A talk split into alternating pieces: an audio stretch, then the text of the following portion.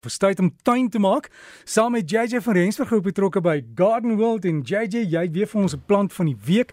Ek het vroeër gepraat, vriende van my het toe ons klaar koffie gedrink het by 'n restaurantjie het hulle my kar toe geroep en vir my die mooiste pampoene en murgpampoentjies gegee en hulle was so trots want dit kom uit hulle tuin uit in Pretoria. So dis wat ons moet doen hè, ons moet tuin maak, ons moet groente plant. Kan ons hier voor die einde van die somer nog 'n seisoen plant? Man, Derek, ja, jy sal my nie glo nie, dit is nou omtrent die lekkerste tyd om dit te doen. Dit is lekker warm en as jy daarvan hou om nou plante te kweek, is dit nou in die warmer maande sekerlik die lekkerste tyd om dit te doen. Nou daar's verskeie maniere. Toevallig praat ek nou toevallig um, vir ons vandag oor die kweek van plante. So die, jou vriende het eintlik geweet wat om vandag vir ons te vra. daar's verskeie maniere om plante te kweek. So kom ons kyk gou vandag na 'n paar. Die maklikste volgens baie mense is om saad te saai. Nou, as jy suksesvol wil wees met SASA, moet jy die volgende basiese beginsels in gedagte hou. Maak seker wat jy gaan saai en wanneer dit gesaai moet word. Baie saad kan nou gesaai word en ander wil weer in die koeler tye van die jaar gesaai word. Gebruik die regte grondmengsel. Nou meeste kwekerye verkoop dit as 'n ontkiemingsmengsel. En moet ook nie te diep saai nie. Dit is om dit dit is die tweede reël wat mense gewoonlik um fout mee maak is om dit net te diep te saai. So eerste reël is gebruik die regte ontkiemingsmengsel en dan moet dit nie te diep saai nie. Eenvoudige reël is as 'n mens saai, dan saai mens so diep soos wat die saad self dik is. Sodra jy dan net hier klaar is, moet jy mooi liggies vasdruk en dit goed nat gooi. Gooi 'n ligte laagie grond boor, dan druk jy dit vas en jy gooi dit baie goed nat. Die saai kan dan in die lug gesit word, maar dit moet nie in die son gesit word nie. Onthou, as dit in die son gesit word, dan gaan daai klein saailinge heeltemal uitbrand. Gooi ook baie gereeld nat sodat die saailinge nie uitdroog nie. Mens moet ten minste 1 tot 2 keer 'n dag dan daai saad self nat gooi. Die tweede is as 'n mens wil plante voortplant, kan 'n mens natuurlik steggies maak. Nou ja, baie mense het meer sukses met steggies as met saad. Mens kan jou eie grondmengsel maak deur 1 deel 1 deel riviersand met 1 deel palmveen te meng.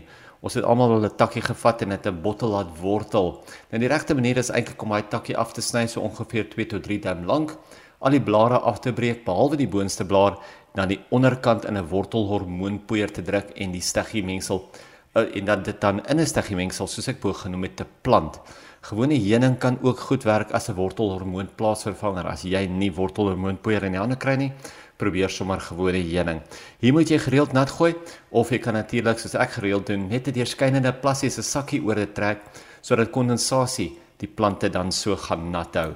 Die laaste een is lers. Nou lers klink eintlik baie interessant, maar dit is wanneer 'n mens 'n nuwe steggie laat wortel skiet terwyl dit nog aan die plant gekoppel is.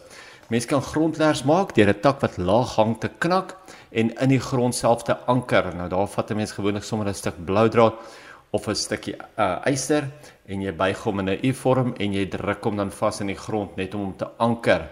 Na so ongeveer 3 maande behoort daar dan genoegsame wortels te wees dat jy die sogenaamde naalstring kan knip en nuwe plant die die nuwe plant dan wel kan verskuif. Onthou, as jy die plant in die grond anker of die tak in die grond anker, dan gry hom eintlik bietjie weg in die grond en dan maak jy ook seker dat daar waar jy wil hê waar hy moet wortels maak, dat hy wel effens gebreek is.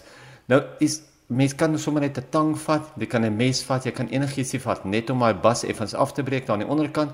Maar gewoonlik as jy 'n takkie vat en jy knak hom, dan breek jy hom genoeg al klaar. Nou dieselfde kan ook gedoen word met liglers as mense takkie seermaak, veen daarin vasbind, dit toemaak en natuurlik eers die veen lekker nat maak voordat jy dit toemaak. Weereens kan mense die wortelhormoonpoeier daar smeer of styf of selfs die bietjie heuning soos ek net genoem het.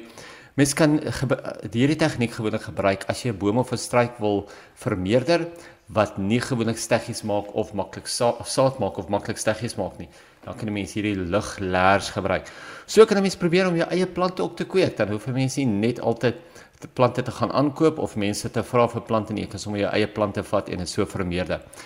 Direk net gou voor ek by die plant van die week kom, iemand het vir my in die week gevra ek moet die verskil tussen hopiesgrond van mure en hopiesgrond van aardwurm op die grasperk verduidelik. Nou Mure se grond wat gewoonlik uitgestoot word is baie fyn. So as jy hopies hopies fyn sand sien, dan is dit gewoonlik mure. Maar aardwurms wat grond uitstoot is gewoonlik kleiner hopies modderige grond. So as dit modder is wat op die grasperk uitgestoot is, dan sal jy sommer weet dit is aardwurms. Nou hoekom sal aardwurms hierdie tyd van die jaar gewoonlik die grond uitstoot? Onthou aardwurms probeer om die grond te deurlig. As jy baie reën gehad het in jou omgewing of as jou grond baie kleierig is, dan gaan die aardwurms probeer om meer tonnels te grawe en natuurlik jou grond baie beter te kan belig. So mure is fyn en aardwurms is modderig. Dis lekker dat mense plant van die week kan hê wat oorvloedige blomme produseer. En hier het ons dit nou die hibiscus hiera. Nou ek het al van die hiera gepraat. Dit is eintlik 'n ongelooflike pragtige hibiscus variëteit. Dit donker oranje vrolike blomme op met donker blinkgroen blare as 'n agtergrond. Een van die mini hibiscus variëteite wat baie hitte kan hanteer en ook 'n hoë siekte weerstand het. Die hiera blom amper dwars deur die jaar. Die plant hou van ryk grond en baie water en groei ongeveer 'n meter hoog en 'n meter wyd. Soos met die ander hibiskusse kan hierdie een ook koue hanteer, maar nie erge ryp nie. Maar as jy 'n pragtige oranje blomstruik in jou tuin wil hê, gaan vra 'n bietjie by die kwekery vir die hibiscus, maar vra spesifiek vir die nuwe Hera variëteit. Wat is vrolike blomme, JJ? As hy ietsie wat sommer vir jou net baie blomme gee met 'n pragtige randjie op hom. ja, en as jy in die tuin loop, dan kry jy 'n glimlag op jou gesig wanneer dit so mooi. Definitief. Ek wil net vir jou sê enige blom is vrolik. Wat bedoel jy? Ja, net so vrolik soos jy, JJ. Hoor nou net. en dit dan JJ van Rensburg met ons tuin bydra. Dit sal ook as 'n pot gooi beskikbaar wees op RSG se webtuiste. En as jy vir JJ wil kontak, gaan loer op ons uh, Breakfast Facebook bladsy. Jy kan daarvan af kontak en dan kan jy net net sien daar wat hulle geplaas het, die plant van die week, die foto's is daar, al die raad is daar.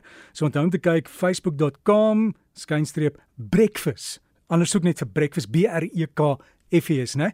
Afrikaanse spelling. Daar's so 'n ander webtuiste, maar dis nie myne nie.